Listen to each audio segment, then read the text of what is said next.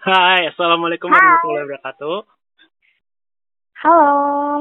Ya, eh, mungkin perkenalan dulu ya. Eh, gue Faiz Jaya dari Politeknik SMI Jakarta. Eh, kalau gue Sinta Rahmadani dari Universitas Negeri Jakarta. Halo Faiz, apa kabar? Baik, Sinta, gimana eh, sekarang lagi corona? Apa apa kegiatannya? Alhamdulillah menjadi kaum rebahan sejati. Kalau lo? Sama sih, karena kan kalau dari karantina kayak gini kan kita harus jaga kesehatan juga ya. Terus Mm-mm. kalau dari gue sih ya paling olahraga sama kuliah doang. Betul, betul, betul. Gimana, masih sehat kan ya? Alhamdulillah. Harus dong. Oke, jadi kita ngapain nih di sini nih? Ya, kira-kira kita mau bahas apa ya sekarang ya, Sin? Kita mau bahas eh, sesuatu yang aku yang dulu bukanlah aku yang sekarang. Waduh, kira-kira apa tuh yang mau dibahas ya? Kok kayak kayak lagu gitu kan? Lagu kan? Iya. Iya, kepikiran juga. Kayak mau nyanyi kali dengarnya. Enggak, jadi kita mau membahas tentang pendidikan. Kayak Menarik emang dong. pendidikan kayak gimana sih? Kayak zaman dulu emang zaman sekarang tuh emang menurut lo tuh beda atau kayak gimana sih, Sin? Kalau menurut gue pribadi sih beda banget, beda banget jauh karena kita sekarang e-learning coy. Kita belajar aja lewat laptop bisa. Keren gak sih? Iya sih, soalnya sekarang rata-rata udah apa ya e-learning juga sih ya. Jadi karena apa banyak banget akademi-akademik tuh yang dipindahin ke online gitu kan sekarang. Hmm, betul. Gimana kalau lo sebagai mahasiswa, pendapat lo gimana kalau belajar e-learning? Ah kalau gue eh, ngelihatnya sih ya e-learning ini sebenarnya emang bagus eh, dan maju gitu ya di bidang teknologi. Cuma kalau dalam Mhm. segi eh, tatap muka dan eh, perasaan emosional antara guru dengan murid, menurut gue ini ini akan memicu suatu hal yang mengurangi sopan santun juga nantinya gitu ke guru. Oh ya, benar benar benar. Sekarang itu yang mulai luntur dan khas banget sama pendidikan itu tentang nilai moral atau sopan santun. Lo setuju gak sih? Setuju karena yang apa ya di beberapa berita yang gue baca bahkan ada murid itu yang sampai melecehkan gurunya gitu. Itu Iya, gue juga. yang sangat apa ya miris buat kaum kaum murid sekarang. Dan itu kayak sesuatu yang memang harus dirubah gak sih menurut lo? Iya sih, cuma eh gue bingung sih kayak cara merubahnya gitu karena eh bahkan kan sekarang walaupun memang murid itu bersalah, cuma dalam segi punishment yang diberikan guru tuh banyak banget yang sampai bahkan malah gurunya gitu yang dihukum. Iya, kalau misalkan dari zaman dulu kan kalau dilihat sebenarnya mudahan akses pendidikan zaman sekarang ya dibanding zaman dulu. Karena kalau zaman dulu kita ke sekolah aja harus buka sepatu, terus ngelewatin gunung. Lo pernah denger cerita itu nggak dari orang tua lo? Eh gila gak sih dulu bokap gue aja itu sampai dia tuh nggak pakai sepatu, bahkan nggak pakai sendal, jadi dia tuh harus nyeker dan jal harus jalan ke sekolahnya tuh sampai satu kilo gitu. Menurut gue kayak dan itu beda banget sama zaman sekarang gitu. Iya, kita sekarang kalau susah dikit pakai ojek online atau enggak eh, bawa kendaraan sendiri udah sesuatu yang mudah. Kalau misalkan zaman sekarang keterbatasan itu masih ada, mungkin pendidikan nggak akan pernah maju kali ya. Iya, karena kan sekarang dengan apa ya internet yang sudah meluas itu menambah eh, daya otak mereka juga gitu. Jadi pengetahuan yang didapat juga lebih meluas kan. Cuma emang hal yang paling miris di sini dengan eh, kepintaran mereka yang menambah, tapi mengurangi rasa moral mereka gitu. Iya, setuju banget. Nah, sekarang nih, kan kita udah di zaman eh, milenial. Kalau lo anak milenial atau boomers nih? Oh jelas. Jelas Allah. Jelas-jelas. Iya. nah, kalau misalkan di zaman sekarang kontribusi lo sebagai mahasiswa dalam bidang pendidikan ada nggak sih? Kalau gue sih lebih ke arah ini ya ngikut apa komunitas gitu kan karena di dalam komunitas itu lumayan kita tuh bisa mengajar juga ke anak-anak muda di luar sana anak-anak SD gitu-gitu sih. Oh ya bener banget kita sebelumnya lupa kenalin bis. Kita tuh dari komunitas mana sih? Oh iya. Kita dari kakak asuh sih. Oh iya benar banget. Kalau misalkan di sini teman-teman ada yang belum tahu Kakak Asuh itu komunitas uh, perkumpulan mahasiswa yang berfokus pada bidang pendidikan. Visinya salah satunya adalah untuk memberi dan membimbing. Mungkin menurut lo di sini memberi dan membimbing, membimbing itu kayak gimana sih? Kalau kan lama nih di Kakak Asuh nih, bolehlah sharing-sharing. Iya. Kalau menurut gue sih kayak memberi itu kita benar-benar kayak ngasih hal terbaik itu entah itu dalam hal pendidikan maupun kebahagiaan. Dan kalau membimbingnya itu kan uh, kita benar-benar mengajari para murid ini uh, mungkin kalau dari kakak sendiri itu kita bergerak ke dalam bidang moral gitu. Mungkin kita nggak terlalu fokus di hmm. bidang akademiknya. Jadi benar benar benar. karena keprihatinan uh, mahasiswa yang tergabung dalam kelas ini tuh melihat moral ini sudah mulai luntur jadi uh, kita ini prihatin dan kita pengen nanemin hal-hal moral seperti itu kepada murid lagi gitu. Tapi emang kerasa banget is. Kalau misalkan di sini teman-teman pada penasaran sama kakak Su, mungkin bisa join sama kakak Su di batch selanjutnya kali ya. Itu untuk testimoni dari kita ya is ya. Kalau misalkan kakak Su itu fokusnya nggak di pendidikan formal aja, tapi ternyata di sini kita lebih mengajarkan gimana caranya menjadi manusia, terutama di bidang pendidikan. Iya. Menarik di kakak tuh seru gak sih kayak lu bisa ngajarin anak kecil gitu kan kayak lu kenal sifat mereka dan lu bisa nanamin hal-hal yang mungkin itu nggak ditanemin zaman sekarang gitu. Kalau kalau kita mau sharing tentang sekolah kita dulu gimana is? Oh ya, betulnya kita dari kakak kasih loh. Iya. Dulu kita uh, di kakak su kita tuh gabung di periode kedua yaitu batch 2 gitu kan. Mm -hmm. Dulu kita ngajar di mana Bantar Gebang ya. Iya betul banget Bantar Gerbang di sekolah wah menarik ya beragam beraneka ragam dan di situ kita mengambil banyak banget uh, pandangan atau nilai yang entah diserap ke diri sendiri atau mungkin kita malah terpacu buat uh, membagikan itu ke adik-adik. Kebetulan di situ waktu itu paling tinggi SMP ya kalau nggak salah ya. Iya SMP kelas 1 dulu. Iya SMP kelas 1. Tapi antus tapi kalau misalnya lo perhatiin antusias di sekolah uh, dan tergeruang tersebut antusiasnya tinggi loh is. Maksudnya di dalam keterbatasan mereka mereka masih semangat loh belajarnya.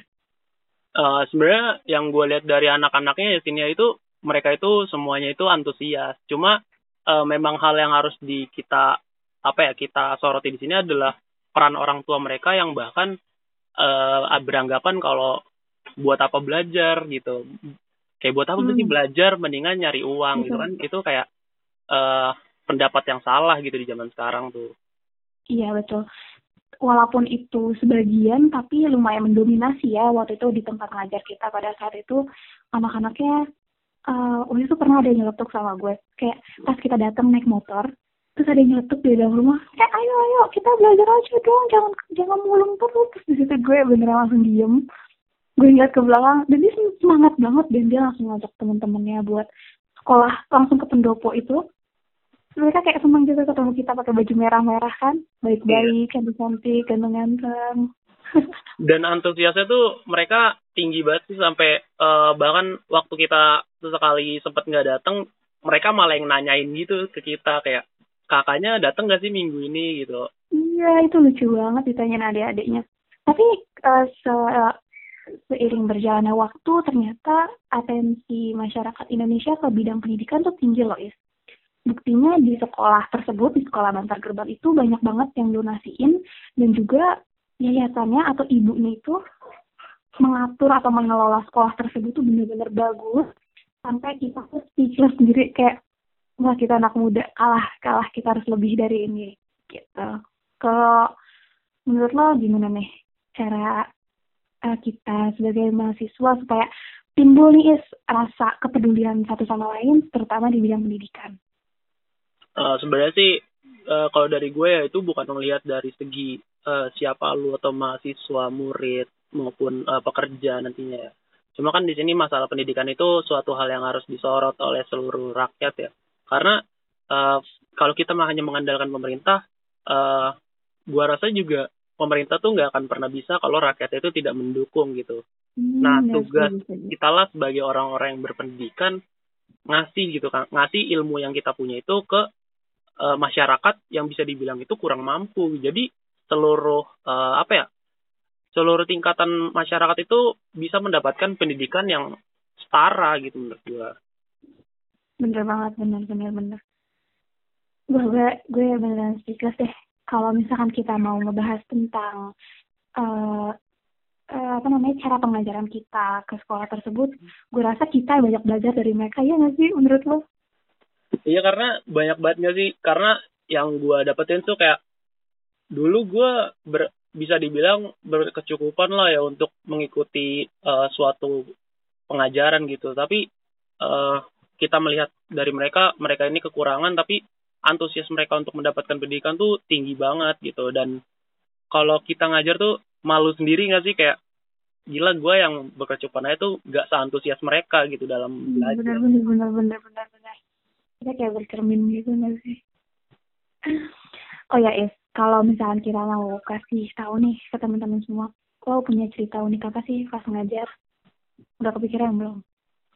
Oh kalau gue sih kalau misalkan masalah pengajaran ya itu eh, dari beberapa dari dua batch yang udah gue jalanin itu eh, sangat ini ya sangat benar-benar nyentuh hati gitu. Karena kan yang kita ajarin ini kan bisa dibilang anak-anak yang di bawah eh, menengah ke bawah gitu ya. Jadi Iya, betul, betul. kayak ngelihat mereka tuh sangat sangat apa ya terenyuh lah hati. Karena ada beberapa orang yang gak mampu tapi dia itu pengen buat belajar gitu sih paling momen-momen di situ terus kayak main sama mereka itu eh, berkesan banget sih buat gua gitu kalau dari lo gimana sih Oh, kalau gue yang tadi, Is, itu nyentuh banget sampai sekarang. Kan Bekasnya luas ya? Iya nggak sih? iya Eh, waktu itu kita ngajar di Bantar Gerbang ya. Pada waktu itu kayaknya baru pengajaran ketiga atau kedua gitu. Kita masih baru banget kita ngajar di situ. Kita naik motor. Jam pengajaran kita waktu itu siang ya, jam 12 siang. Udah harus ada di lokasi tempat ngajar hari Sabtu. Terus eh gue digonceng sama siapa waktu itu lupa. Kita datang rame-rame kan waktu itu kan kita selalu konvoy ya Is ya kalau ke tempat ngajar. iya Terus eh, ada yang keluar dari rumah terus bilang, eh, ayo dong sekolah, jangan mulung terus, kakak-kakak udah datang. Terus mereka kayak nyamperin teman-temannya satu sama lain. Terus gue ngeliat dari belakang, maksudnya gue nengok ke belakang ya, bukan lihat dari belakang. Gue nengok ke belakang, wah gila gitu. Sekarang kayak, aduh gue males nih, gue males ngajar. Tapi kayak denger itu tuh kayak semangatnya tuh muncul lagi gitu loh. Terlebih waktu itu pas eh, ulang tahun kakakku yang pertama kita Iya. bagi-bagi seribu kado ke anak jalanan waktu itu oke kita satu tim ya eh enggak Iya. ya beda tim. Itu kita beda tim tahu oh lo iya ke gue yang stasiun. kemarin iya gue yang ke daerah eh, Keranji ya kalau nggak salah. Hmm. Keranji daerah Bekasi situ. Kita cuma ngasih bingkisan. Ya menurut kita ya oke lah gitu ya. Mereka nerimanya kayak demi apa kak? Demi apa kak? Seneng banget seneng banget. Mama mama mama terus gue kayak ya Allah sedih banget. Oh menarik lah pokoknya. Ya walaupun hadiah yang kita kasih nggak seberapa cuma ternyata eh apa ya sedekah itu nggak mesti hal yang besar gitu. Karena Ih, hal yang setuju kecil aja itu berdampak besar ternyata pas kita kasih gitu kan. Iya betul banget. Aduh gue jadi gue mau nge-quotes uh, kutipan omongan lo tadi kalau kita tuh nggak harus jadi kayak buat memberi. Iya. Maksud makanya maksud kakak tuh memberi membimbing. Iya karena karena dari hal kecil aja kita eh, ngelihat realitanya bahwa orang-orang yang kita kasih itu ternyata berarti banget buat mereka gitu walaupun emang nominal yang kita kasih tuh nggak besar gitu Hmm, setuju banget setuju. Kalau misalnya berarti kalau misalnya kita mau flashback lagi ke masa lalu, kita harusnya lebih banyak bersyukur, lebih banyak memberi sebagai mahasiswa mungkin ya. Karena salah satu em, kata-kata yang lekat dengan mahasiswa itu agent of change atau agen perubahan. Menurut gue dengan terjun ke suatu komunitas apa pun itu dan membantu eh, masyarakat yang kurang mampu menurut gue kita udah bagian dari perubahan sih. Lebih lagi kalau misalnya kakak tuh gue tuh lebih suka karena mereka tuh ngajarinnya yang non formal sebenarnya. Karena jujur mungkin kalau misalnya gue ditanya pendidikan formal kayak matematika IPA SD gue takut gagap atau takut salah memberikan informasi gitu loh tapi karena kakak ini uh, ngasihnya itu kata-kata pendidikan non formal jadi gue kayak semangat dan banyak belajar juga dari situ Iya karena kalau kita ngelihat uh, IPA IPA gitu kan pasti kita berpandangannya ah orang yang harus ngajarin IPA tuh orang yang berpendidikan banget gitu lah ya. Hmm. Kalau moral dan etika kan itu uh, ibaratnya dari segi keluarga pun seharusnya kita memang udah punya moral dan etika yang bagus gitu. Betul betul betul betul. Jadi emang untuk penyampaian tuh lebih enak gitu. Emang gue setuju sih kalau sebagai mahasiswa tuh sebenarnya kita harus uh, nyari-nyari pengalaman di luar sana, entah itu ikut komunitas ataupun apa yang bergerak di bidang sosial. Soalnya di zaman sekarang juga banyak kan yang uh, bergerak di bidang sosial gitu. Udah banyak banget justru kesempatan buat uh, berbagi ilmu atau tenaganya juga lebih banyak dong ya. Iya pasti sih dan tapi yang gue sayangkan emang uh, ada sebagian mahasiswa yang menganggap kalau kegiatan sosial ini tuh kurang berarti gitu padahal menurut lu kayak sosial tuh candu gak sih kegiatan sosial tuh? Karena menurut gue tuh kegiatan sosial tuh candu kayak awalnya emang kita kayak apaan sih kegiatan sosial tapi setelah terjun tuh ketagihan gitu. Itu lo banget sekarang lo beneran ketagihan ya. Iya, awalnya kayak apaan sih gitu kan kegiatan sosial, lu capek-capek nggak dibayar gitu. Dan ternyata saat lu udah masuk tuh seru juga gitu. Dan Sampai dibayar oke okay, apa ya dibayar pakai senyuman orang-orang yang kita kayak gitu wah banget sih menurut gue senyuman yang mana ya senyuman anak-anaknya gitu kan kayak wah gitu kan mungkin senyuman kakak-kakaknya juga bikin wah juga. Oh gitu. Oke baik yang tersenyum mendengar ini iya. Hmm. Apa lagi ya yang mau kita bahas? Um, ngomong-ngomong tentang uh, pendidikan karakter nih Is. Hmm. Kenapa tuh? Kalau kalau dilihat-lihat ternyata visi visi dan misi kakak itu sama loh dengan uh, tujuan pendidikan karakter yang diharapkan Kementerian Pendidikan Nasional atau sekarang itu jadinya Kemendikbud. Karena mereka tuh pingin ternyata uh, pendidikan karakter tuh kayak pondasinya, pondasi siswa dalam belajar karena gimana pun juga, pendidikan karakter tuh mengembangkan potensi kalbu kita sebagai manusia, sebagai siswa untuk lebih punya nilai-nilai budaya dan karakter bangsa. Kayak kita tuh kayak ngajar, tapi kita juga kayak diajarin, iya nggak sih? Iya sih, harus sih kalau gitu. Karena emang dengan uh, ini ya, ini ya salah satu contoh menjadi guru tuh karena saat lu ngajarin, uh, lu juga dapet nih apa uh, yang diajarkan oleh mereka gitu entah itu dalam uh, segi apa pun ya itu hmm, sih betul. yang gua rasain uh, saat gua ngajar di Kakaso gitu pokoknya uh, yang terbaik lah untuk pendidikan hari ini. Terus lo ada pesan dan kesan guys buat yang mendengarkan ini? Terutama untuk yang berkecimpung di dunia pendidikan tujuannya untuk dunia pendidikan lo punya kesan-kesan gak? Kalau gue sih pertama-tama uh, gue pengen mengapresiasi ya buat tenaga pendidik di Indonesia. De, karena uh, gue akuin sebagai tenaga pendidik walaupun memang gue ini menjalani non formal itu susah banget untuk mengajar anak-anak gitu. Dan gue salut kepada guru-guru mungkin terkhusus kan guru yang mengajar gue dulu gue berterima kasih banget karena ilmu-ilmu yang dikasih itu uh, ternyata uh, susah gitu. Mungkin mereka juga susah waktu ngajar gue dulu gitu tapi uh, mereka sabar gitu sih. Dan mungkin uh, apa ya apa yang gue saran gue buat uh, pendidikan gitu terutama kepada murid-murid sekarang uh, hargailah guru kalian gitu. Karena uh, mereka ini orang yang akan membimbing kalian dan orang yang bakal ngisi ilmu kalian ke, untuk ke depannya sih. Kalau gue kayak gitu. Kalau dari lo gimana sih um, kesan-pesan gue yang tadi kita udah omongin gue ke pop up kalau gimana pun juga guru itu pahlawan tanpa tanda jasa. Hingga bahkan sampai hari ini juga gue rasa kita semua harus ingat kalau misalkan uh, guru itu adalah pahlawan tan tanpa tanda jasa. Dilihat kita mikir kayak oh ngajar tuh gampang ya ternyata ngajar tuh susah. Karena kita tuh kenalin banyak banget anak-anak yang karakternya beda-beda cara ngomongnya beda-beda cara coping stresnya beda-beda. Sampai-sampai kita tuh jadi belajar juga sebenarnya sama mereka. Makanya kalau misalkan tiap minggu kita ngajar gitu gue kayak mikir ya uh, gue dapet apa ya hari ini kayak gitu sih ya mungkin uh, dari kita sekian dulu kali ya Sen ya biar uh, ada ada yang ditunggu nih dari kita buat ke depannya nih. Oh iya bener banget kita bakalan bikin podcast lagi nggak ya?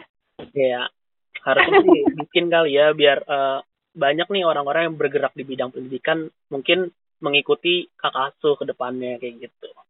Amin. Oh ya, iya sebelum ditutup uh, kita mau ucapin selamat ulang tahun ke kakak asuh Indonesia. Salam. Yang ketiga ya. Salam. Iya, salam hangat dari kita semua.